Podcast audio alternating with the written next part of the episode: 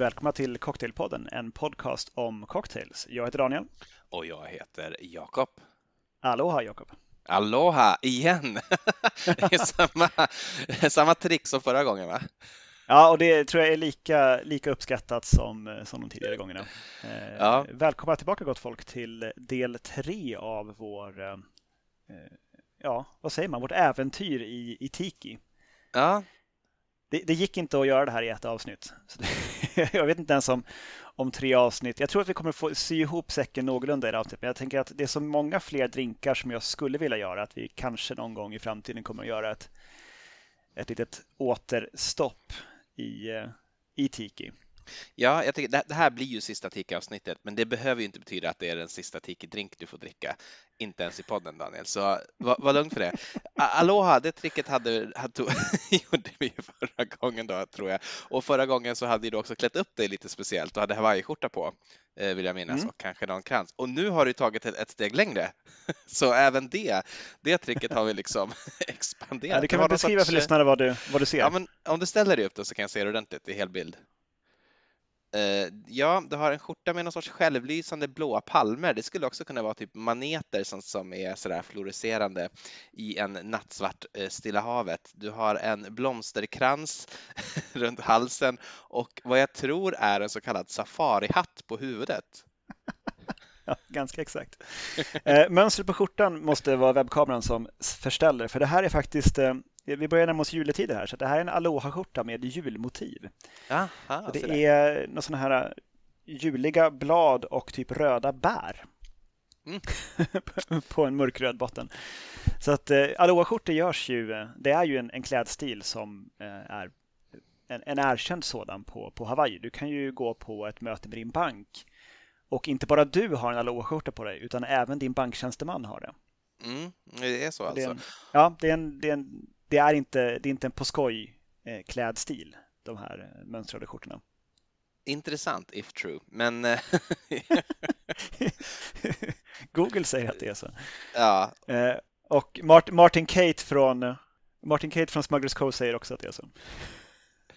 Jag tar, jag tar nog av mig hatten dock, den är ganska, ganska varm och ger lite sådär missljud in i, i mikrofonen när den skaver mot, mot denna. Men så att varför har man sådana här hattar när man är på safari? De är jätteobekväma. Mm. Ska jag gissa nu kanske? ja, det, ta, ta och gissa på den. Ja, men det, må, det måste väl vara, tänker jag, att eh, inte på safari kanske då, men om man fall, varför har man den på en tikifest? Då är det väl för att man inte vill ha en kokosnöt i huvudet kan jag tänka mig. Eh, och om man nu får det så är man ju lite skyddad. okay. ja, den här är gjord bara av strå så att jag vet inte fan om den skyddar så. Det är jäkla ja. mycket. Det är ingenting man skulle ha på sig om man kör motorcykel. Eller, eller något. Hur som mm. helst. Eh, vi lämnade sista avsnittet med en eh, att vi skulle ge oss in i tikins nedgång och fall. Det, jag har faktiskt inte jättemycket på det spåret för det, det är inte så mycket kul som, som händer alltså efter 60-talet då när tiki-barerna börjar liksom föra en tynande tillvaro. Och discoeran kommer och det är vodka och eh, smakneutrala spriter som, som gäller. Mm. Det, finns, eh, det finns en del drinkar som dyker upp under den här tiden som har liksom fått, fått liv igen nu. Eh, jag tänker framför allt på, eh, på Jungle Bird. Ja, just det. Som ju dök upp 1978 på Hilton i Kuala Lumpur på deras Aviary Bar. Ehm, och sen så var den rejält bortglömd ganska snart därefter. Ehm, och eh, Beach Bum Berry som jag nämnt tidigare, som Indiana Jones inom tropiska drinkar som hittar massa gamla recept och så, hittade ett recept på Jungle Bird i Eh, en bok från 1980 som heter The New American Bartenders Guide av en karl som heter John J. Poister.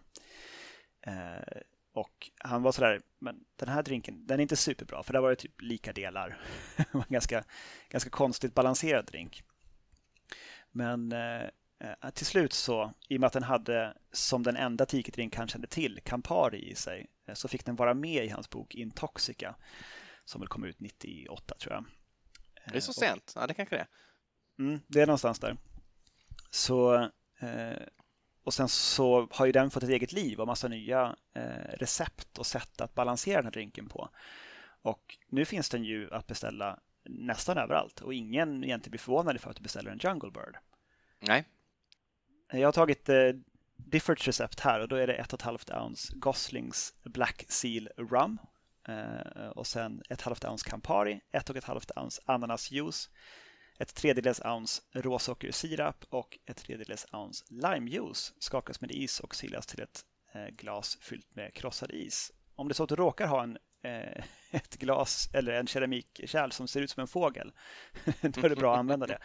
För eh, på Aviary Bar på Hilton i Kuala Lumpur så var det just det att man serverade det i någon slags porslins porslinskärl som ska ha haft formen av just en fågel.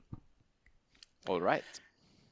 Och du kanske minns när vi var, för nu är det ganska många år sedan, men det, ja, vi var på Nightjar i London och sent som Jörgen när vi var där så beställde jag in eh, någon av de sista drinkarna jag beställde in, jag, jag, vet inte längre, det är ganska dimmigt, en, en Jungle Bird i deras version. Och då kom den ju in i någon slags special svetsad metallplåt just historia. Det, just det. Stor som en, alltså som en kyckling i storleken. som en kyckling i rustning. Eh, det var första gången jag drack en, en Jungle Bird. Och det tycker jag är en fantastisk drink. Mm, det, är, det är en jättegod drink. Jag har faktiskt en liten riff på den här eh, med mig och eh, då kan väl jag bara hoppa på den på en gång då. Den heter Lorikeet jag har hämtat det här receptet ur Shannon Mustifers Tiki Modern Tropical Cocktails.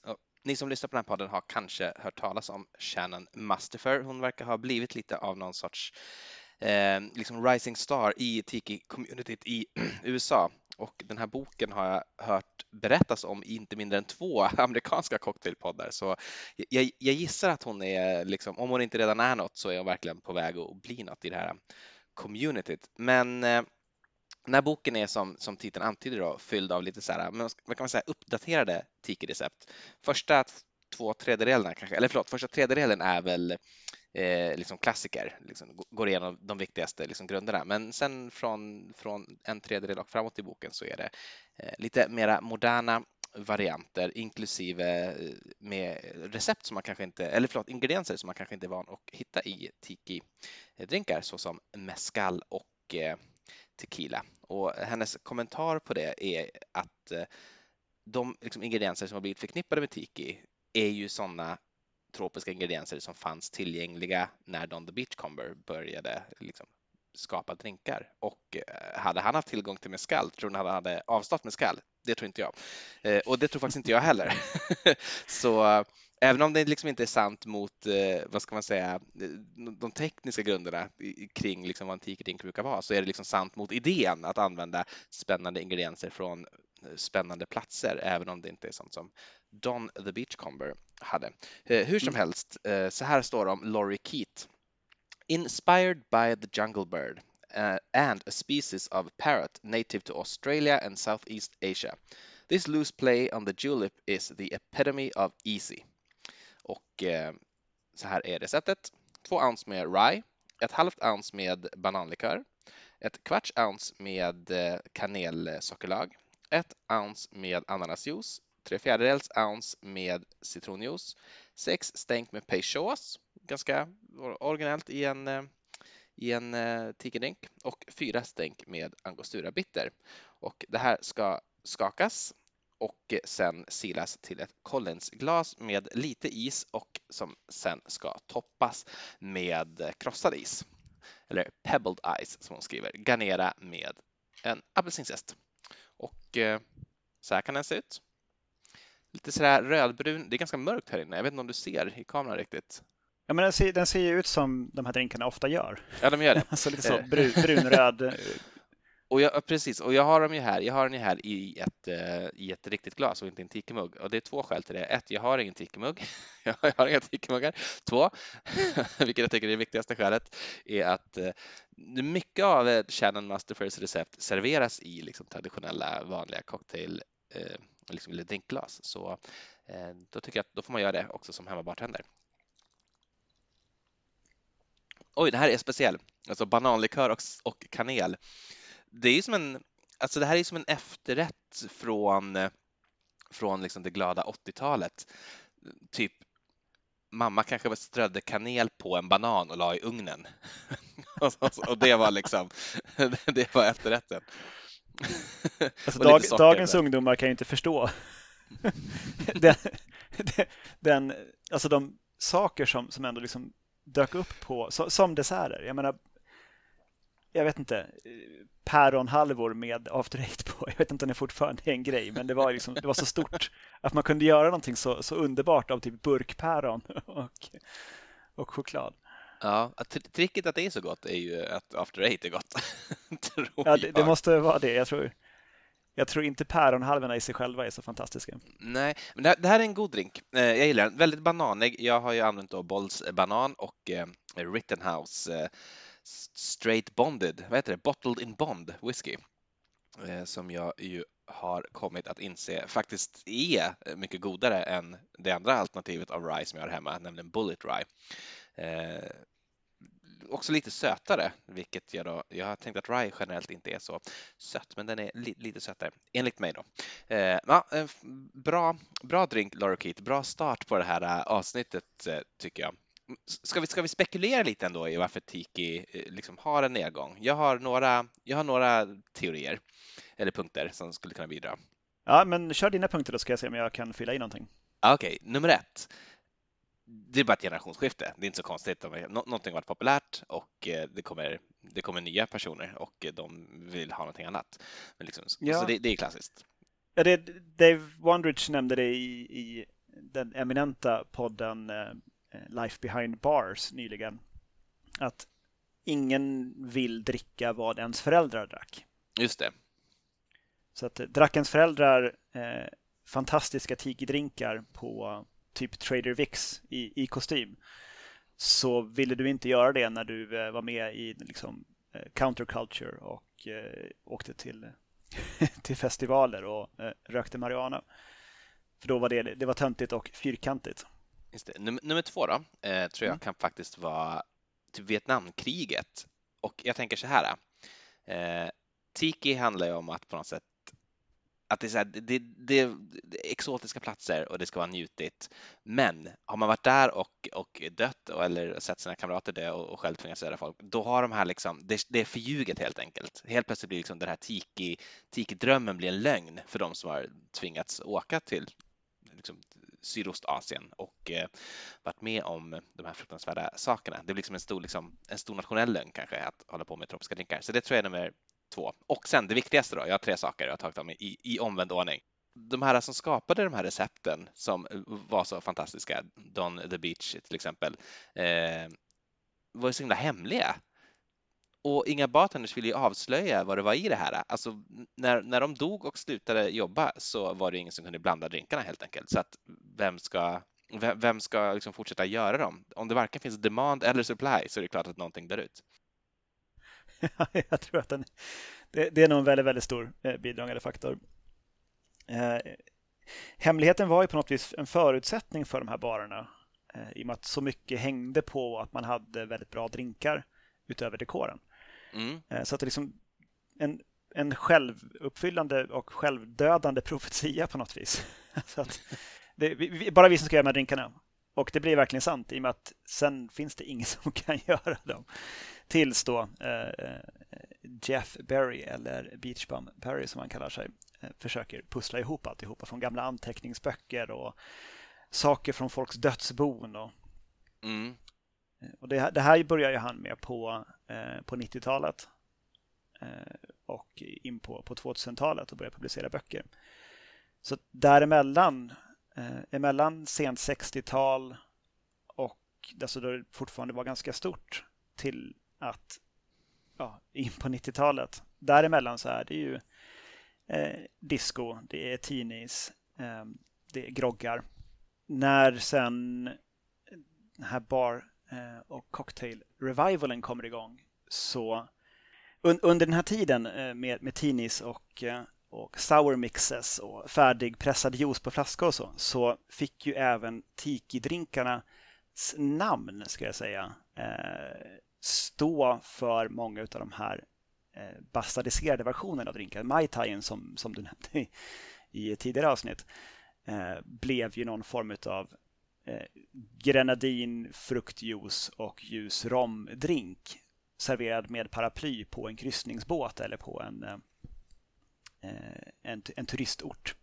Mm. Och eh, så har det också blivit. Zombien har ju också fått leva någon slags Eh, ja, inte helt opassande zombieliknande tillvaro i att den också där liksom eh, någonting sött, ljus rom och typ ananasjuice i ett glas på med paraply eh, och Blue Hawaii liksom med att det, det. Blå, blåa drinkar och återigen paraply och en halv banan i glaset och krossad is och att det ska det ska vara som en semester i ett glas fast mera utseendemässigt och med eh, ofarliga smaker. Alltså det ska vara sött och det ska vara en spritsmak som du inte känner av speciellt mycket. Och festligt och kul. Eh, du ska inte behöva fundera så mycket på det. Jag kan tänka mig att, eh, att när pendeln svänger tillbaka sen, och det håller den väl redan på att göra, mm. att eh, det till slut blir, det blir lite pinsamt och töntigt med alldeles för uttänkta drinkar och folk vill helt enkelt bara, de vill ha en, en, en shot med sprit och kanske en, en neutral lageröl igen. Jag kan tänka mig det också. Dit är vi nog på väg. Eh, att eh, speakeasy-barer och sånt till slut blir det blir lite konstigt, men det kanske fortfarande är om, om en tio år eller någonting som det verkligen börjar bli konstigt med den här typen av barer och folk, bara, folk vill bara supa ner sig som, som vanligt igen. Ja, spännande. Eh, jag har en ganska ny drink eh, som är från, eh, från Aku Aku i Oslo som jag lyckades tigga till mig receptet på. Eh, när vi pratade om att recept ofta var hemliga. Som, eh, som faktiskt har lite, eh, lite otikieska eh, ingredienser. Mm. Den heter Dirty Ocean och jag tror att den är någonstans från 2017. Jag eh, kommer inte ihåg vad bartendern heter som jobbar där.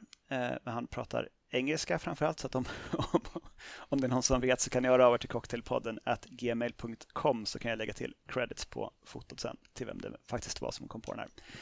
Eh, men då har du 3 centiliter Havanna Club 7-årig, 1 eh, centiliter Mescal, 1 centiliter Campari, 2 centiliter Lime, 1 centiliter agavesirap och 4 centiliter ananasjuice. Och sen så lite angostura bitters. Då. Det här skakas med krossad is och hälls osirat till en eh, tikimugg eller någonting annat och toppa med mera krossad is. Garnera med mynta och limeklyfta samt stänka över lite angostura bitters. Då ser den ut så. Det är svårt kanske att se i kameran där. Ja, nej då, jag ser någorlunda.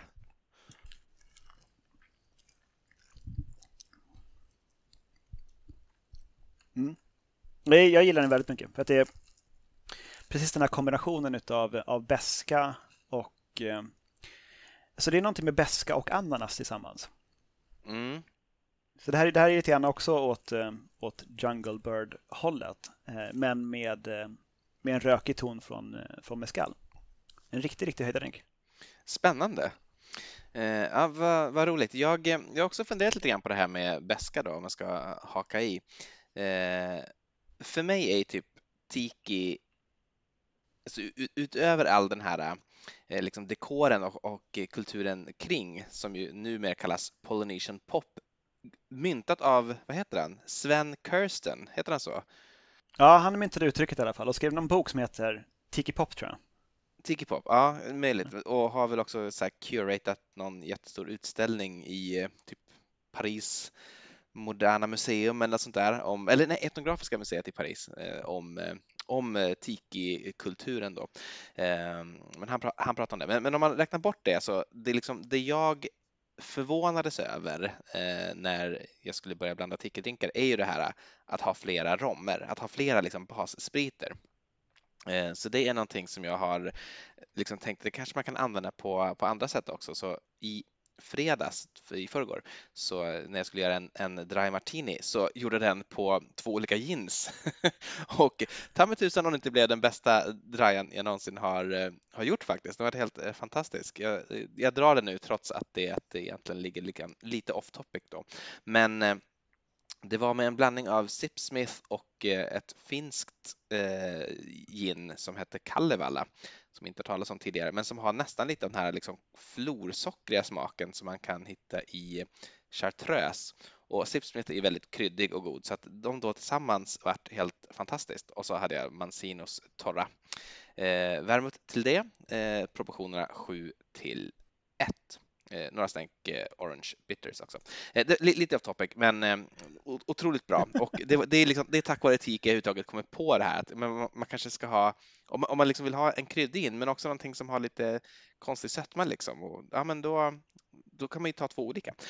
Strunt det, det en gin inte kan göra kan två eller tre göra. ja, men precis.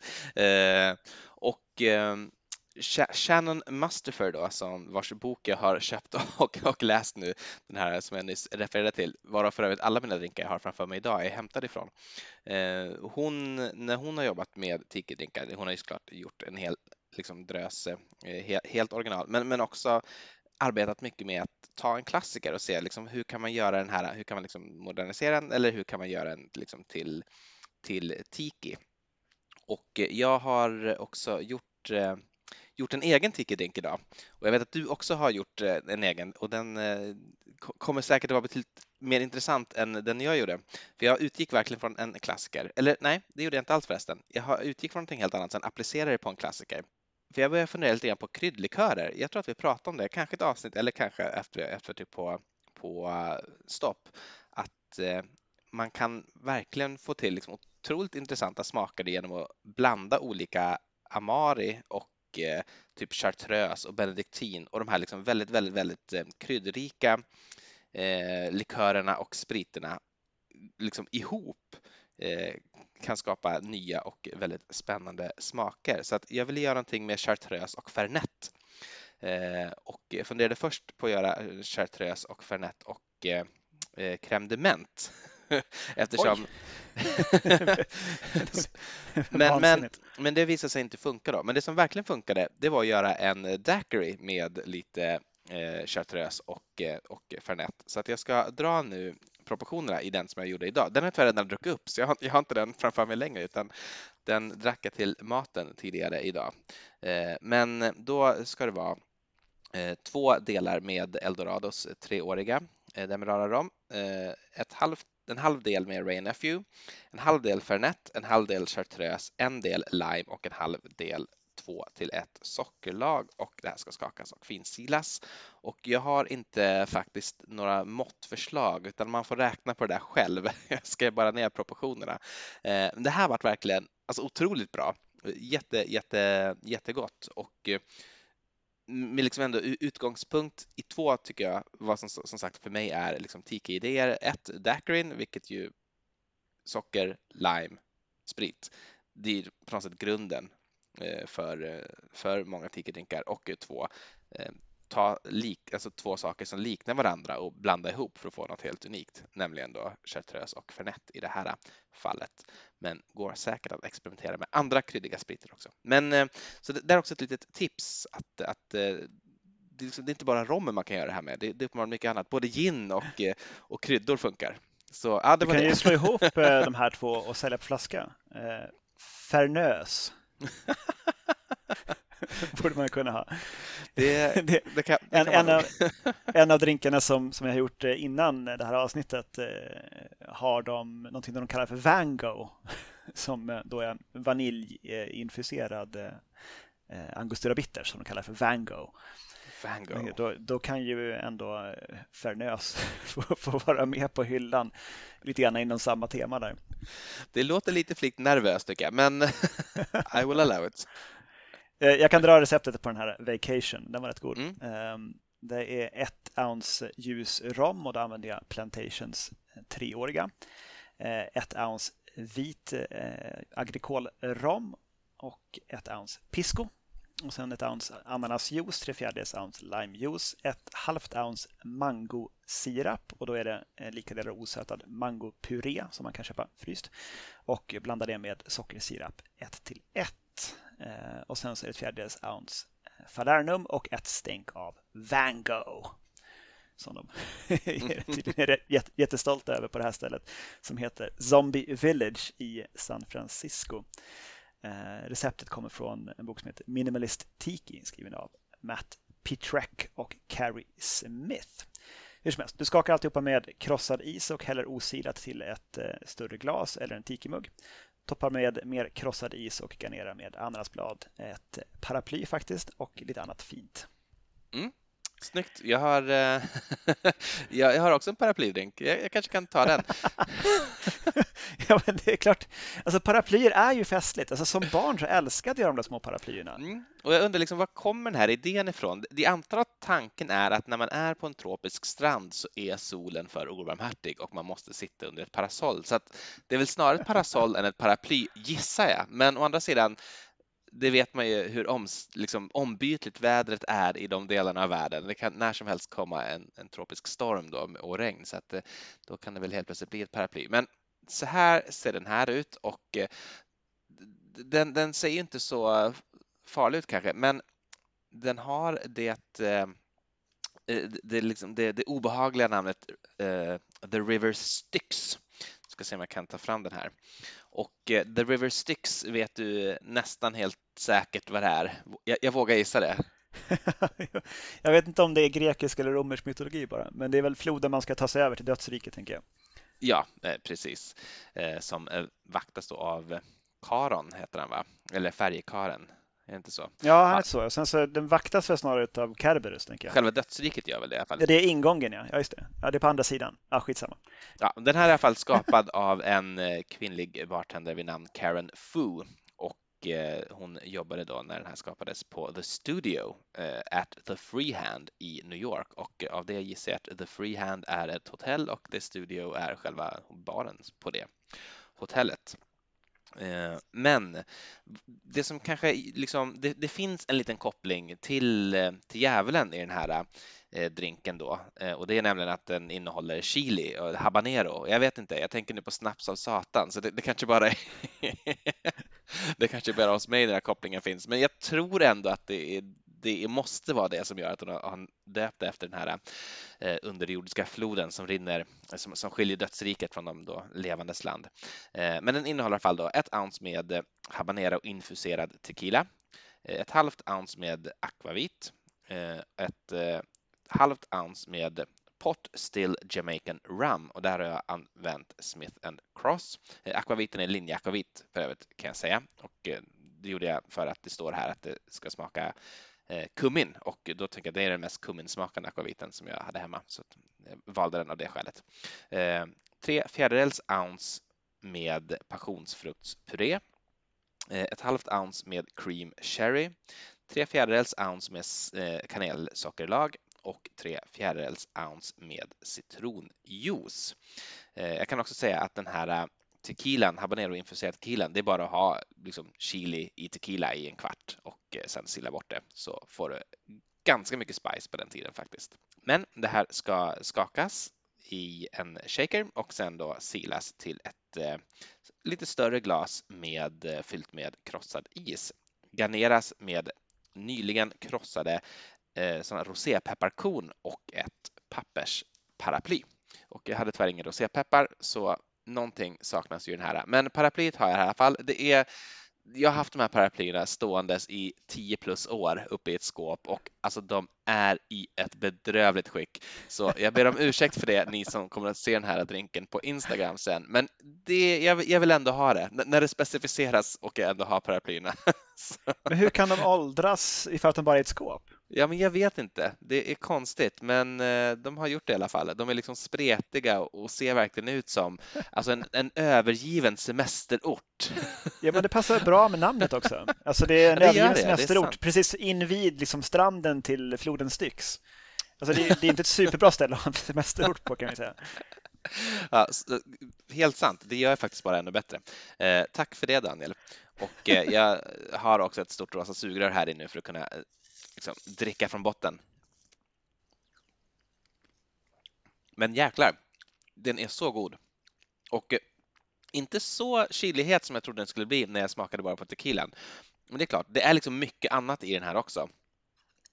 Eh, alltså, kanel kanel. Am I right? Mm. Ja, kanel förekommer ju i en del drinkar. Det tror jag är ett arv från eh, Don the Beachcomber. Eh, det och tror jag också. Dons mix nummer två med grapefruktsjuice och eh, kanelsirap. Mm. Eh, jag har faktiskt med kanelsirap i eh, en av mina drinkar. Det är svårt att komma ihåg riktigt vad, vad som är i vilken vilket glas. um, jag kanske kan ta den här som jag har gjort uh, ett eget recept på. Mm. Uh, som jag nu känner så här i efterhand, det hade varit roligare att göra ett, ett ganska kort recept men att hitta någon fantastisk ny kombination som inte är provad men som ändå gör, hitta en ny, ny Mai Tai liksom, som bara är få ingredienser men fantastiskt. Men det, det, är inte det jag har gjort utan jag har, jag har tagit den långa vägen runt kan jag säga. Och eh, jag har utgått lite grann från en, eh, en, en rum barrel av eh, Don the Beachcomber. Och sen min tankeprocess där var lite grann att eh, man ofta har en float på eh, drinkar med en väldigt doft och smakrik eh, eh, Overproof Rum. Mm. Som man liksom häller ovanpå, ovanpå drinken. Och eh, jag råkar ha eh, sån här det, jag tror att det egentligen är en, en ampel man ska plantera saker i, men den är formad som en sån här glasflöte. Just det, ja, jag ser. Så då har jag gjort en drink som är inspirerad av, av en rum barrel, men som heter flotsam, vilket är det engelska ordet för typ drivande vrakgods. Mm. Eh, vilket jag tyckte var lämpligt med en, en float då. Men eh, här har vi då eh, i, i ordning 1 ounce ljusrom, 1 ounce gin, 2 ounce lagrad jamaikansk rom och då har jag använt eh, eh Appleton Estates 12-åriga. 1 ounce passionsfruktsjuice, 1 ounce ananasjuice, 1 ounce grapefruktsjuice, 1 ounce limejuice, ett halvt ounce kanelsirap, 1 till 1, ett fjärdedels ounce passionsfruktsirap, ett fjärdedels ounce pimento dram som då alltså är kryddpepparlikör, ett fjärdedels ounce falernum och eh, ett sjättedels ounce grön chartreuse. Där det då i eh, originalet ska vara en, eh, en skvätt med Pernod.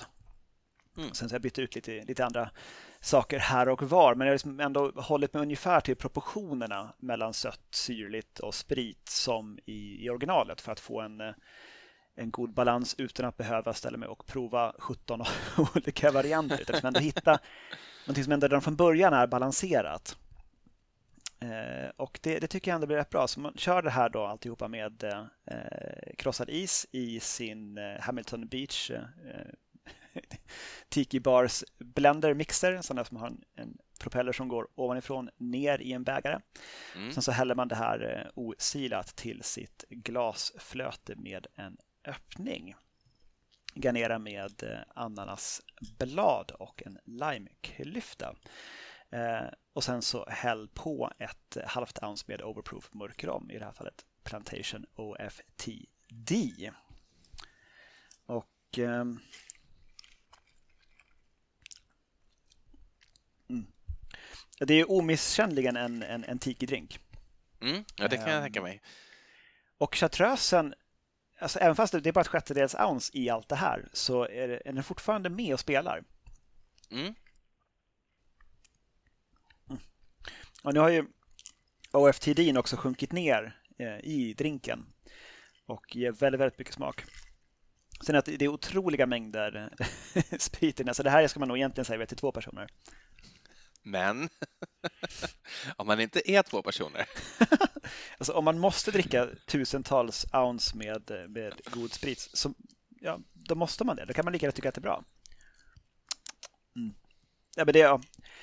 Alltså när man utgår från någonting som som sagt redan är balanserat så kan man leka väldigt mycket med, eh, med ingredienserna så länge som man håller sig inom samma söt syra spritbalans på ett ungefär. Mm. Ja, men helt sant. Och eh, kanelsirapen tycker jag är... Den märks knappt i drinken, men det är precis så det ska vara. Den ska finnas med som en, en aning. Någonting man inte riktigt kan placera vad det är om man inte vet. Nej, alltså det ska, men liksom men just när jag tycker när man gör det, när man använder det själv, då vet man att ja, det är det som är den liksom bara smaken av någonting lent runt, alltså något som bara alltså, fyller liksom mellanrummen i, i smakspektrat på något vis. Ja. Murbruket. Exakt, men man förstår ju att det, att det var svårt att lista ut om man inte hade receptet. Om man, man var Beach Bamberry och sprang runt på de sista kvarvarande, eh, ofta Kina-restaurangerna där folk jobbade kvar då, eh, några år efter att deras tiki-bar hade lagts ner. Och försöka lista ut vad, vad är det i dem då? Och ställer frågan till bartendern och får standardsvaret att det är, det är rom och fruktjuicer. och ingenting annat. Ja, men vilka romer? Vilka fruktjuicer? Vad är det mer? Nej, det är bara rom och fruktjuicer. Spring iväg nu. Försöka lista ut det här. Men sen då, ja, men han listade ju ut till slut vad, hur Don the Beachcombers Zombie faktiskt eh, såg ut och hur receptet också utvecklades över olika år. Och liksom, den dagen han hittade det, det receptet som, som var det som han tyckte det skulle vara och att det också stämde överens med någonting från 1934 Mm. Alltså, vilken dag det måste varit. Och det kan man verkligen, eh, verkligen föreställa sig.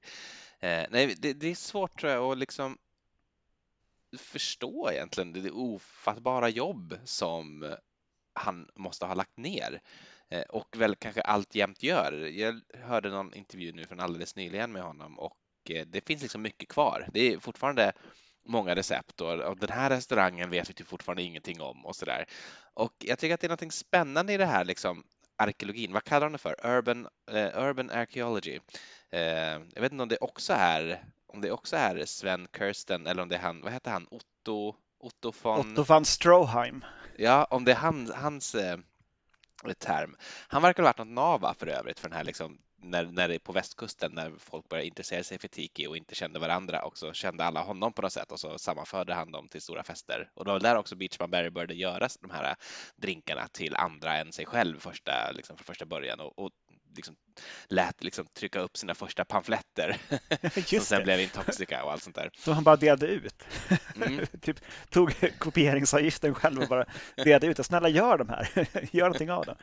Han har ju kommenterat det sen också att eh, han upptäckte ju efter ett tag att många nya tiki-barer han gick till hade ju sina menyer nästan uteslutande baserat på recept som han hade publicerat. Mm. Och så kom jag fram till att han, andra människor tjänar ju pengar på de här recepten som jag har hittat. Eh, själv tjänar jag ju väldigt lite pengar. Så att eh, till slut så tillsammans med, med sin fru så startade han en, en egen bar i, i New Orleans som heter Latitude 29. Just det. Eh, hon är ju då väldigt slipad som eh, eh, att driva rörelsen, heter det, driva verksamheten. Medan han själv, han är ju en beachbum. Han, han kan ju inte det. Han kan liksom vara med på receptmöten och så där, hjälpa till med, med tema och så. Men att driva baren, det, det klarar han inte av. Så det, det, det är först i det här giftermålet som det varit möjligt för honom att kunna vara delaktig i ett bardrivande. Han behövde någon annan som kunde ta hand om det. Men här ser vi hur historien upprepar sig, för är det inte precis, eh, om inte precis, så i alla fall någorlunda så här det var för Trader Vic också. Han träff... Don the Beach kommer tänker du på? Ja, förlåt, förlåt, nu får du klippa. Eller vem det nu som klipper. Ja, det, är, det, är, nej, det, det är Don the Beach kommer som eh, vars fru eh, inte Sunny Beach heter hon inte. Sunny Sand tror jag hon hette. Sunny Sand, just det. Eh, ja, som, eh, som gjorde Don the Beach Combers till en, till en kedja och någonting som gick att tjäna pengar på. Men, eh. men, men det, det som jag egentligen tänkte säga är att det, jag tycker att det är fascinerande hur, hur liksom glömt det här var då när Beach Bum Berry började leta runt. Jag tror att Don, alltså Don the Beachcomber, den kedjan var så pass glömd att när eh, han, det är den här Trader Vicks bok tror jag, när han, när han sitter och kollar i den och så ser han liksom i något så här tacklistan så är det liksom en bild på någon gubbe som sitter och så står det om the Beachcomber. Och sen, vem är det här? Varför liksom, vad är det här för lodare? Varför blir han tackad av Trader Vick? Eh, och, och, ingen vet vem det här är och att liksom bara liksom leta upp att men herregud, för bara 30 år sedan så var det ett imperium som alla har glömt. Alltså det är någonting, eller 40 år eller vad det kan vara. Det är någonting i det som är jag vet inte, det är intressant hur snabbt det ändå går att glömma och det är klart att nu kanske kommer att gå liksom googla fram allting då, eller man går in på archive.org och liksom söker. Jag, jag, vet inte riktigt, men det är ändå det är intressant tycker jag. Eh, och, och, säger också någonting om, ja men som sagt, om det här enorma jobbet han eh, har lagt ner och vilken stor tacksamhetsskuld alla vi som gillar att blanda drinkar står till den här karln. Ja, och alla som nu har startat eh, en, en hel drös med, med tikibarer runt om, om i världen. Just det. Ofta i ganska, ganska regniga, gråa, trista ställen. Eh, man kan ju tänka sig typ att med den här typen av tropiska drinkar så passar de kanske bäst på en strand eller så. Eller på ett resmål eller på en kryssningsbåt. Eh, men det var ju där de bastadiserades och förstördes. Mm. Eh, och där de egentligen hör hemma är ju till exempel ja, men som i Oslo med Aku Aku. Du glider in där en, en, en, tisdag i november och det är snöslask och elände ute på gatan. Men så kommer du in i det här tropiska paradiset och, och får dig en, en fantastisk eh, eh romdrink på, på bardisken framför dig. Så är ju snömodden och hela Oslo bortglömt. Det finns inte längre, för det finns bara det du har omkring dig. Det är där liksom. Det, sen har jag ju också um, det har ju funnits någon slags revival som inte kanske handlar så mycket om drinkarna som vi pratade lite grann om innan vi tryckte på räck. Att eh, eh kulturen kring det här med exotika musik och, och sånt har ändå, har ändå haft sina fans genomgående. De kunde inte göra drinkarna förstås, i och med att det kunde ingen göra, för det fanns inga recept. Men musiken kunde man, kunde man tycka om. Man kunde tycka om de här påskhuvudena och aloha-skjortorna och allt sånt.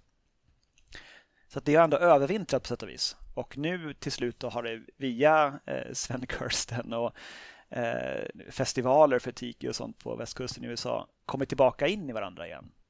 Eh, jag har en, en, en till drink och sen har jag en, en, en ganska lång eh, utläggning faktiskt. Om du har några sista ord innan dess så kan det vara bra. Eh, jag har en eh, jag har nämnt en bar i Amsterdam som heter Hiding in Plain Sight ganska många gånger under den här poddens historia. Men det är också en av de, de första riktigt bra cocktailbarer som jag började gå till när jag och Emily bodde i Amsterdam. Och som var som en del av för oss att, att upptäcka allt man kunde göra och, och prata med de här bartendrarna och så, för det är ganska lite ställen. Och det här är deras version utav en en zombie kan man säga. Mm. Som de kallar för The Walking Dead. Som är en, en drink som eh, är tänkt att eh, vara för två personer. Eh, ofta så slutade eh, jag kvällen hos dem med en Walking Dead på egen hand med fruktansvärda resultat förstås. Eh, serveras eh, i en eh, glasdödskalle som jag har här Eh, identisk med de glasdiskallarna de, de faktiskt serverade i där nere. Och garnerad ovanpå, det är väldigt svårt att se för dig nu, men med en citrus, antingen blodapelsin, apelsin eller grapefrukt som är skuren uppifrån och ner så att det blir som två järnhalvor mm -hmm. som, som flyter mm. ovanpå. Mm, jag fattar.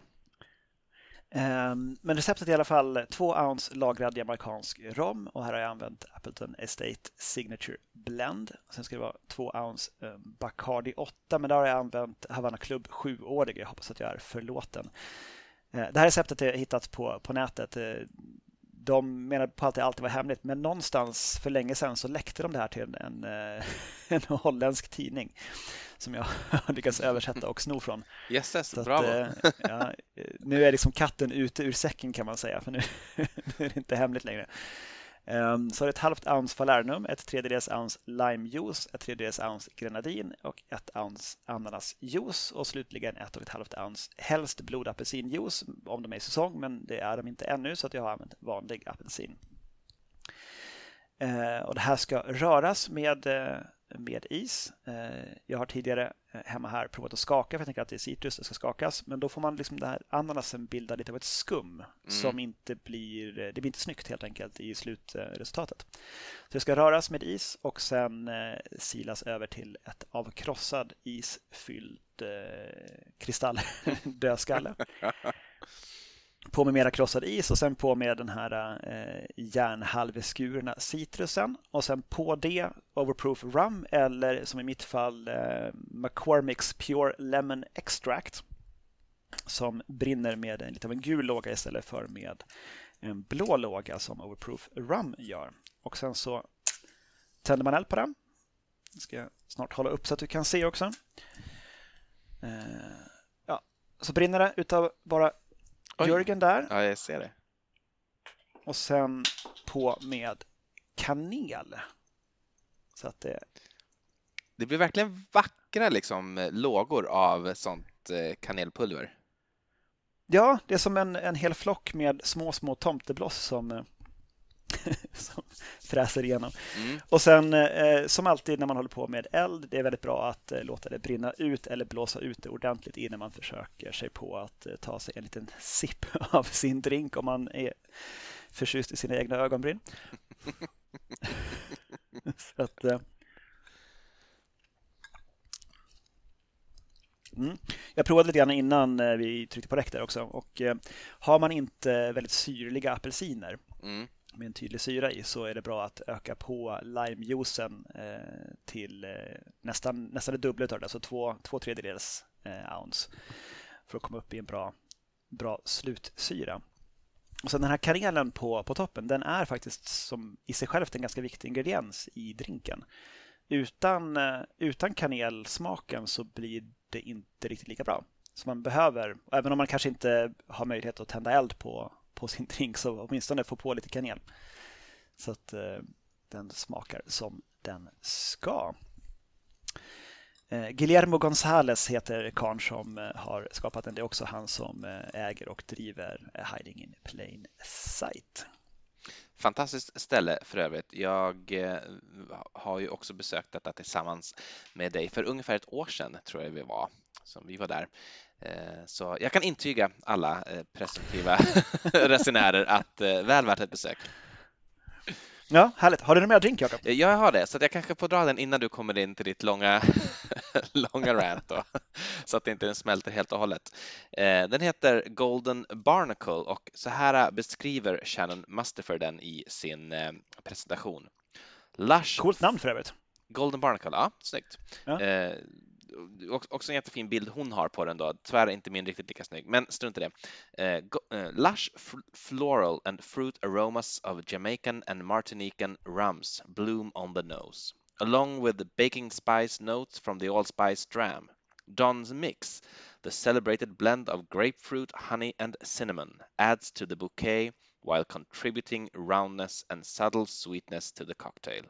The dram re-emerges on the last sip, adding depth and dry, elegant tannins to the finish. Ja, du hör ju själv. Du, be du behöver inte liksom mitt omdöme för att förstå att det här är något, det här är något alldeles extra.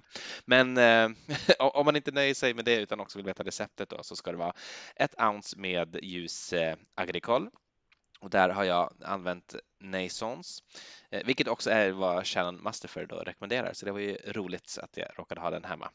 Eh, ett halvt ounce med eh, Pot Still Jamaican Rum. Där har jag haft Smith Cross. Ett halvt ounce med Allspice Dram och då är det väl bara Bitter Truths som man på ett enkelt sätt kan få tag på i Sverige, vad jag vet. Ja, jag tror det. Det finns, eh, det finns en del recept på hur man gör det själv. Det är inte superbesvärligt att göra själv, men eh, den finns i beställningssortimentet. Okej, okay. ja men då så. Eh, men men, men det, det, som man kan köpa då om man inte vill göra själv. Eh, ett ounce med Doms Mix och det var ju som då antyddes av den här texten en, och som du också nämnde en blandning av kanelsocker och eh, eh, grapefrukt och, och, det är väl lite honung i den här varianten. Jag, jag, vet faktiskt inte vad det var i originalet, men hos Shannon Mustafer så är det grape, honung och eh, kanel i alla fall. Eh, och sen slutligen då ett halvt ounce med limejuice och ska garneras med en blodapelsinskiva och eh, inte heller i Stockholm är det säsong för blodapelsin så att det jag har valt att ta en helt vanlig apelsinskiva istället. Serveras över is i ett Old fashion glas. Så här ser den ut just nu.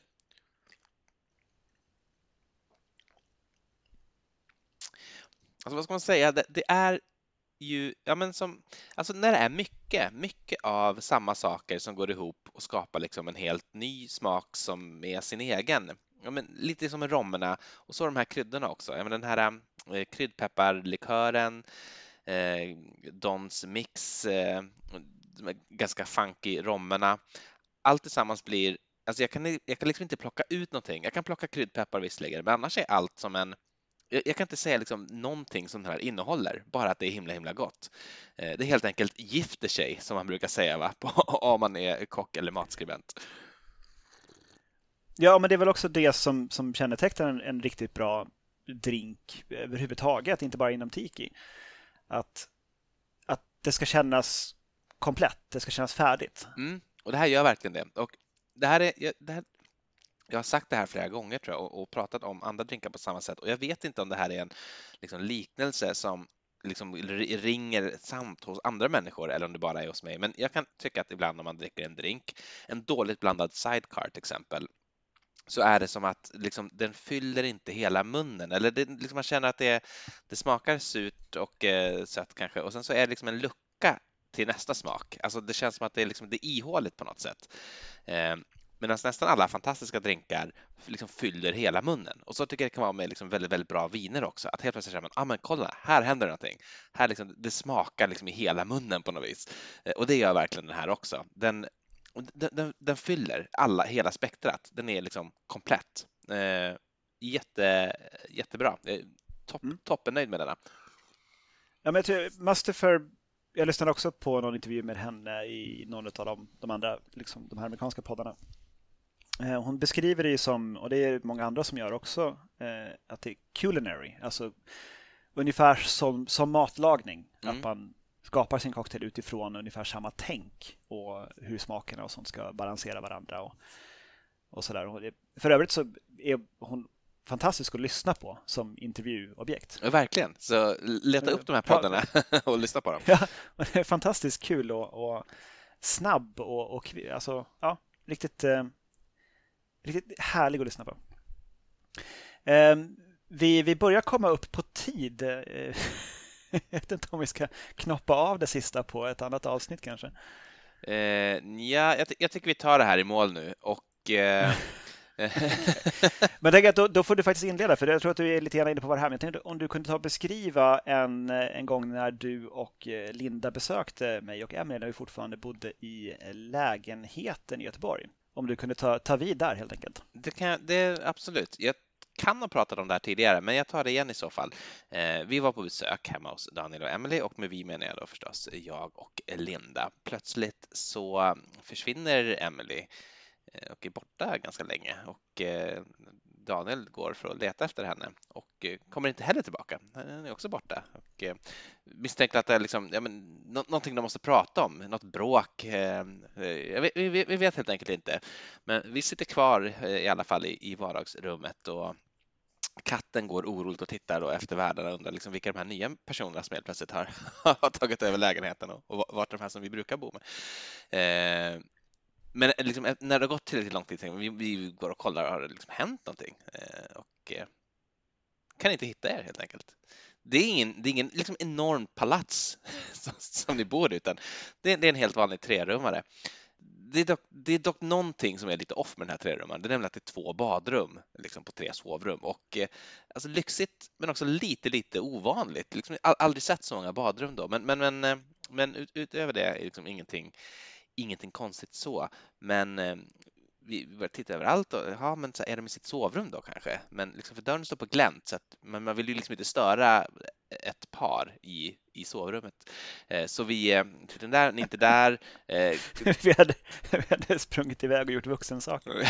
man, man vet aldrig. Vi, vi, vi, kollar i, vi kollar i ett liksom, ganska stora förråd där ni har en frys, ni är inte där, går tillbaka till sovrummet, liksom, knackar på på toaletten. Ni är ingenstans helt enkelt. Så vi går och sätter oss igen och då kommer du tillbaka och säger, men kommer ni eller? Och så, men där är ni och så går vi efter igen och borta igen. Eh, det som har hänt i alla fall, att det, det, det, fanns en dörr som vi inte hade sett för ni hade satt liksom en garderob över en dörr. Det här är själva en fyra, en fyrrummare, det är ingen trerummare. Det har vi, har vi inte förstått. Och om man liksom öppnar den här garderoben så ser man att där bakom så är det en hemlig ingång till liksom ett hemligt rum. Eh, och till slut så på något sätt lyckas vi lista ut det. Det jag kommer faktiskt inte ihåg precis hur det går till, men när vi kommer in där, då är vi ju i ett sånt tropiskt paradis helt plötsligt. Det är bambutak och det har liksom en, en, en bardisk som står där inne och det är masker på väggarna och kanske så här något eh, spjut från något fjärran land eller någonting sånt. det, det, det är härligt sån hawaiiansk musik och jag, jag, vill minnas att liksom, liksom ta din stråhatt och, och sätt dig i solstolen. här, här har din drink. Eh, du hade helt enkelt skapat ett litet tiki-paradis och det var också där, tror jag, din stora romsamling fanns. Ja, det, det stämmer alldeles utmärkt. vi har faktiskt haft folk på besök i den här lägenheten som, eh, som inte vet om att det där finns. Mm. För att man, man reagerar inte riktigt på det, för finns det ingen dörr till någonting, då finns ju inte det rummet. Eh, men vi har också haft folk, för det här vetter ut mot balkongen och vi har haft folk på den balkongen som inte heller har reagerat på att det finns mörklagda fönster bakom ryggen som inte leder någonstans. Um, så det, det är lite spännande. Nej, men så vi, när vi eh, flyttade till, tillbaka till Sverige och till, till Göteborg så eh, hittade vi en, en, lägenhet som var eh, förbluffande väl prissatt, en hyreslägenhet. Då. Eh, sen visade det sig att det kommunala bostadsbolaget vars namn ska eh, vara onämnt men som alltid ska brinna i helvetet eh, visade sig att det, det, var väldigt billigt för att det var någon form typ av ombyggnads eller rivningskontrakt som de lät berätta om. De skulle typ bygga på en till våning ovanpå huset och, och slänga ut alla liksom, i flera månader under ombyggnationen. Sen skulle det också bli extremt mycket dyrare efter att det var klart. Så hur som helst. det är därför vi sen flyttade till, till ett hus och köpte och nu inte har en, en kommunal hyresvärd längre. Mm. Så det var ju någonting gott som kom ur det. Eh, men då, och då var det fyra vi, vi är som vi är inga barn så vi eh, har ju ett, ett, rum helt som vi inte riktigt har någonting att göra med. Och då, då kom vi på att fan, vi, vi hade ju i Amsterdam på vår balkong så inredde vi den som en vad vi kallar för en tiki-balkong där vi satt och drack romdrinkar fast i solen då. Mm. Med lite trämasker och, och vassmattor och sådär. Ganska spartanskt ska sägas, men ändå. Så då föddes idén att vi kunde göra en, en egen tiki-bar Eh, efter då att vi hade varit eh, eh, i Oslo då på Aku Aku väldigt mycket så liksom ville vi ändå kunna åstadkomma det här själva. Och då tänkte vi liksom att ska man göra en sån här sak då måste man verkligen gå all in på det. Man kan inte, man kan inte bara nästan göra en tikbar. Det funkar inte. Mm. Du, måste, du måste verkligen skapa en miljö som är riktigt, riktigt speciell. För att annars känns det bara halvvägs så konstigt. Då, annars är det fortfarande bara ett helt vanligt rum. um, Men med konstig dekor liksom? Ja, precis. Och det, det, och det räcker inte. Uh, för då är du inte på plats. Så vi, vi, tog lite grann av hur de hade gjort på, på Akko Akko och på andra ställen vi har varit på. Och, och började klura på hur man kunde, hur man kunde bygga om det här rummet. Rummet var väl kanske tre gånger fyra meter eller någonting kanske. Mm. Något sånt. Inte, inte superstort normal eh, takhöjd, eh, en dörr in och sen en dörr ut på, på balkongen och sen fönster. Då. Eh, men jag, jag har satt ihop en liten, liten lista på eh, lärdomar av hur man kan skapa sin egen tikibar. Eh, vilket jag tycker att om man har ett utrymme, alltså om man, om man har en friggebod på tomten eller om man har ett rum som man inte använder hemma som kanske idag bara är förråd eller kontor eller vad som helst. Och lite grann oavsett storlek så kan man om man vill åstadkomma ett litet krypin som är från världen avskilt och så oändligt fantastiskt att få, få spendera tid i eh, med, med sina vänner. Eh, är du redo Jakob? Ja. Jag har fått ihop 12, 12 punkter plus några extra punkter. Um, det allra viktigaste att börja med, som jag lärde mig i efterhand, är att dra, dra ström. Se till så att det finns uttag eh, lite överallt för du kommer vilja ha eh, lampor och andra prylar eh, lite överallt i rummet. Och normalt sett så finns det ju typ två uttag i ett rum och det räcker inte riktigt. Du måste kunna sprida ut det lite mer. Jag löste det i efterhand sen med kabeldosor och förlängningssladdar och, och skit. Jag försökte gömma undan dem men det, det är inte, inte optimalt. Mm. Um, nummer två, mörkläggning. Allt ljus från omvärlden måste stanna i omvärlden. Eh, mörkläggningsgardiner, eh, köp eh, några stycken, klipp sönder dem och häfta fast dem runt fönster. Eh, sätt in tätningslister vid, eh, vid dörren så att det inte kommer in ljus den vägen. Eh, när du är i det rummet och lamporna är släckta så ska det vara helt kolsvart. Fullständigt. Ehm, måla av samma anledning väggar väldigt mörkt eh, eller tapetsera i mörka färger eh, vi tog i ganska rejält med, med mörkgrön färg, men det vart ändå inte riktigt mörkt nog. Mm. Så att ta i verkligen många toner under och försök släppa den här tanken på att ja, men då blir rummet jättekonstigt. Ja, fast liksom, det, ska, det ska ju vara ett rum som är specifikt till för det här. Du, det dubblar inte som någonting annat. Du vill inte ha kontor och tiki-bar. Eller typ liksom, sådär, gästrum och tiki-bar. Det, det, det blir konstigt. Så att det, du måste committa dig själv till, till att, att bygga om ordentligt. Mm, bra. Um, och därmed också måla dörrposter och andra vita saker som typ lampkontakter och eluttag som syns och se till så att de döljs eller blir mörka också för att en vit lampkontakt eller en, en dörrpost bryter ganska lätt förtrollningen. För du ser ju att det där är en dörr och då är du tillbaka i, i den vanliga världen. Um, det kanske svåraste att komma över som ett motstånd man har normalt sett är att eh, måla taket eller på något annat sätt täcka taket. Mm. För att ett tak i en lägenhet, speciellt om det är en hyreslägenhet, ska vara vitt. Det vet man. Alla, alla tak är vita. Så att, jag måla om vågade jag faktiskt inte göra, men vi visste liksom inte när vi skulle flytta ut och sådär. Så att jag eh, gick på en, en eh, betydligt mer komplicerad och smärtsam eh, rutt. Nämligen att jag köpte sådana här eh, vassmattor som man kan köpa i typ trädgårdsbutiker för, som, som typ vindskydd eller att täcka för saker. Som är sådana här ståltrådshopflätade eh, vassstrån mm. i långa mattor. Och sen satte jag ihop dem i, i ett stort sjok som ungefär motsvarade takets yta. Och sen satte jag upp eh, små krokar i hörnen och hissade upp det här taket ovanpå ett nätverk utav eh, av hamparep.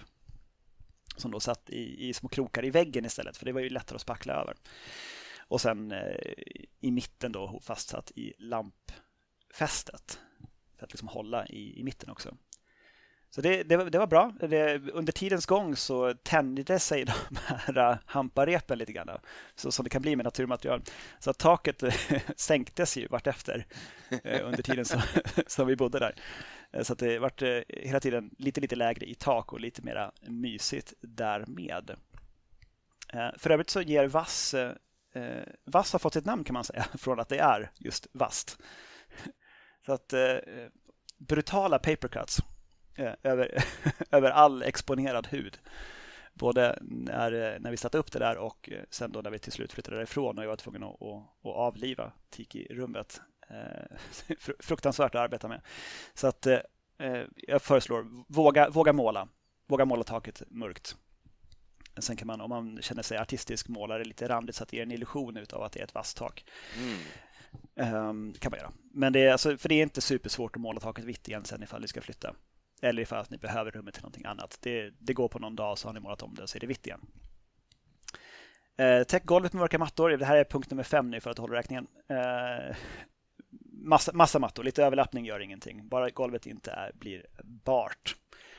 Eh, skaffa massor av dekor. Gå på loppis, köp allt skräp som du hittar som är i nautisk stil. Alla trämasker, jordglobar, gamla kartböcker, eh, typ porträtt teckningar, eh, skriv ut foton på Kontiki-flotten, rama in dem, allt möjligt. Och bara eh, extra, extra allt. Mm. Har du för lite grejer på väggarna så kommer det att kännas, du måste ha väldigt, väldigt mycket. Ingen, ingen fri yta någonstans. Men kan man ha då allting? Jag tänker, alltså, kan man tänka kuriosa kabinett? Ja, alltså det finns ju, vill du vara puritan då ska du ju inte ha annat än Polynesian pop-grejer. Alltså, mm precis den typen av trämasker som är Polynesian Pop. Eh, det är inte så ofta man hittar sånt på loppisar i Sverige. Så jag, jag var lite friare. Jag, vi, vi kallar det för ibland tikrummet och ibland för äventyrsrummet. Så det är någon slags tanke av någon som varit ute och varit upptäcktsresande mm. eh, under något tidigare århundrade och släpat med sig en massa bös hem. Ungefär så. Mm. Och därav kartböcker och expeditionsböcker och sånt. Eh, typ Eh, mycket om alltså, Tor Heyerdahls böcker och allt det där. Eh, så ger en känsla av att det är eh, någon, någon form av utforskares lilla krypin. Mm, bra. Ja, eh, belysning. Eh, svaga lampor men lite överallt. Gärna i rött och grönt men absolut inget, inget vitt ljus och ingen stark belysning. Eh, kan vara bra att ha någon lampa som du kan tända när du vill städa eller om du spiller något eller om du tappar någonting. Eh, det, det, kan vara, det kan vara ett tips. Men det ska inte vara tänt när, när du eller några gäster är där inne. Eh, har du plats för det, skaffa en bardisk. Eh, gärna i bambu, det finns att köpa på, på nätet. Det kostar några tusen lappar, det är, inte, det är inte hela världen om man, om man har möjlighet till det. Men alltså, rent historiskt så behöver man inte nödvändigtvis ha en bar i utrymmet där drinkarna ska drink, drickas. För att i väldigt många fall på tik, riktiga tikibarer så görs, eller gjordes i alla fall inte drinkarna inför gästen utan de gjordes i ett kök bakom. Och sen så kommer drinken fram i all sin prakt. Så om du lämnar eh, din tikibar och går ut i, i köket eh, så, och sen kommer tillbaka in med en bricka med fantastiska drinkar så, så ger det en väldigt genuin upplevelse. Eh, jag tyckte bara att det var snyggt med en, en bambubar inne, inne i rummet. Ja, men det var det verkligen en sån en bambubar med tak på också utifall att det skulle börja regna i den här tropiska baren. Det är sant. Nej, det, var, det var jättehärligt med den här baren tycker jag. Så att jag, eh, jag, jag vill verkligen rekommendera att eh, om man kan eh, sätta in en bar. En bardisk alltså. Ja, och det kan vara i bambu eller det kan vara i något mörkt träslag eller så som passar in. Det ser man ganska lätt sen vad som, vad som hör hemma. Nummer nio, en hylla för dina tikimuggar. Nummer tio, tikimuggar. Skaffa tikimuggar. Ja, jag, ska, jag, jag, ska göra det Daniel, du kan vara lugn. Jag, jag, har pratat om det med Linda och eh, hon är också väldigt eh, på mig att vi måste skaffa tikimuggar, så det kommer.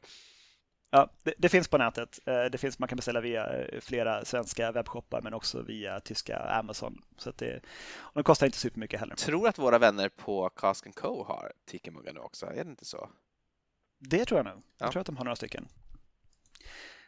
Och och eh, sen kan man använda eh, porslinsvaser och sånt som ibland liknar tikimuggar lite grann. Men då ska man eh, ha det i åtanke att man kanske inte ska använda dem jätteofta i och med att äldre glasyr på keramik kan ibland innehålla bly. Mm.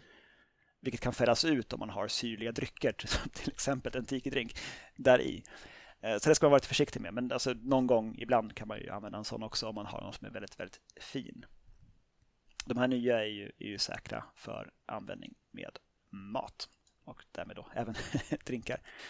Ehm, en, eh, en väldigt viktig eh, punkt är punkt nummer 11 och det är musik. Ehm, det finns eh, på archive.org en karl som heter George Blood som har spelat av massa 78-varvare och gamla vinylskivor. Och det, alltså det tiotusentals eh, låtar som han har spelat in som finns tillgängliga att ladda ner som mp3 gratis därifrån. Eh, och om man söker på typ Hawaii eller eh, snarlika eh, ord så hittar man väldigt mycket musik som passar utomordentligt bra i, eh, i en tiki-bar eh, med raspig vinyl och allt sånt i bakgrunden. Eh, sen kan man också på Spotify eh, använda Smugglers Coves egna spellista som de har i sin bar. Mm -hmm. Den finns, eh, finns tillgänglig öppet på, eh, på Spotify. Så det kan man få eh, väldigt genuint från en modern tiki-bar, det ljud som, som de har. Det är blandat med som exotica och eh, ibland lite, lite jazz och ibland lite kubanska låtar och sådär. Så det, man får en bra, eh, bra atmosfär. Och sen eh, punkt 12, möbler i rotting, bambu och eller annat mörka träslag. Eh, vi lyckades hitta någon form av rottingstolar med någon slags tropiskt mönstrat tyg eh, på dynorna eh, som passade alldeles utomordentligt bra. Och det var innan vi ens hade helt committat oss till att vi faktiskt skulle göra en, en tiki-bar. Så bara, de här stolarna känns som att de skulle passa i någonting som vi ännu inte riktigt har formulerat vad det är vi ska göra. Men vi, vi köper dem. De här ska vi ha. Well done. Ja, mycket nöjd med det. Eh, jag har några extra också. Okej. Okay. Eh, som inte, alltså de här sakerna, det här är 12 punkter, eh, finns, det är knappast uttömmande, men det här är mina reflektioner för hur jag, hur jag ser på att, att göra det här. Och jag tycker att har man ett rum, gör det. Det är väl kanske den viktigaste punkten. Gillar man drinkar, gillar man tiki-drinkar, har man mycket rom, har man tid, möjlighet utrymme och tillräcklig nivå av komplett jävla vansinne. Så vad fan gör det liksom? Det, det, är väl fantastiskt. Bor man i hyreslägenhet och kanske ska ut ganska snart så då får man öka på nivån av vansinne lite grann för att det ska kännas, kännas rimligt. Jag tycker fortfarande man ska göra det, men man får liksom ändå man får, ja, up the ante på att vara fullständig jävla knäppjök. Mm. Så i alla fall, hemlig ingång är en, en extra poäng. Så som vi gjorde med en, en helt vanlig IKEA-garderob med, med dörrar på. Och sen tror jag vi hade en liten text om man öppnade den dörren så fanns det en sån Maori träsnideri bakom och så stod det det här är bara en vanlig garderob, det finns ingenting att se här på en sån textremsa under. Ja, så kan det nog varit, ja precis. Någonting sånt, så att man liksom kan knuffa undan folk. jaha, nej, det var bara en vanlig garderob. Okej, okay, ja, jag går då. Men det ser ju ut som en, en, en vanlig innerdörr bakom. Nej, skitsamma, det går. Alla fall. Eh, någonting som jag hade på plan men aldrig kom till skott på var att jag tillverkade en halvblöt bar. Alltså för det som var där inne var ju en dry bar, alltså inget handfat, ingen, eh, inget avlopp. Men om man sätter i någon form av metallbytta eller handfatsdiskho-liknande grej i sin bar och eh, tar en, eh, en metalltank som jag köpte en sån kopparmetalltank som typ hör till tror jag gjutjärnsspisar typ. Mm. Och sen så har man vatten där uppe och disco där och sen så har man en plastdunk med en slang ner under så kan man skölja shakers och annat sånt eh, på plats inuti eh, in i baren. Just och det. göra rent saker så man kan fortsätta göra drinkar där och liksom skölja ner is och så till den här plastdunken. Absolut inte nödvändigt eh, enligt ovanstående resonemang om att det, det är ganska kul när drinkarna inte görs på plats. Men man får spendera mer tid med sina gäster om man också är kvar under tiden man gör drinkarna. Så, sant. så det kan vara någonting att fundera på en helt separat musikanläggning enbart för att vid sidan om musiken spela ljud av djungel, åska och regn. Vilket också vi hade. Ja, jo, det är sant. Så det, det, ligger som ett muller i bakgrunden av åska och man hör liksom regndroppar som slår mot, eh, mot palmblad. Det är fantastiskt. Eh, en uppsättning aloha-skjortor till dig själv och till dina gäster eh, Eh, samt blomhalsband som det hade på mig när vi började spela in avsnittet här. Eh, finns i både plastmaterial och pappersmaterial att köpa för en billig slant. Eh, total budget vill jag inte prata om, jag vill inte ens tänka på, på det. Vi bor inte längre kvar i lägenheten så att hela vårt vårt tiki-rum ligger slumrande i kartonger ute i garaget och det smärtar mig var dag. Ja, jag tycker att någon gång så måste det vara dags att eh, återuppta Tiki-drömmen. Men eh, ni har ju haft lite annat husjobb att stå i. Men eh, ja, ni har varit fulla stöd här borta från Stockholm. ja, så det där var min, min långa utläggning om... Ja, jag kan nog summera det som att den som... Jag säger så här, för att parafrasera Stefan Löfven. Jag vill ha ett Sverige där alla som kan ha ett tikirum hemma ska ha ett tikirum hemma. Eh, jag, jag, jag hade några små saker till, men jag tycker att vi låter det bli slutorden och tackar alla som har hängt med i detta extra långa avsnitt till slutet för att ni inte tryckt på stopp. Och tack till dig Daniel för att eh, du har eh, underhållit mig i alla fall. och, och, och, och, tack till Shannon Master för, för alla de här fantastiska recepten som jag har eh, druckit ur idag. Skål och godnatt! Skål och godnatt!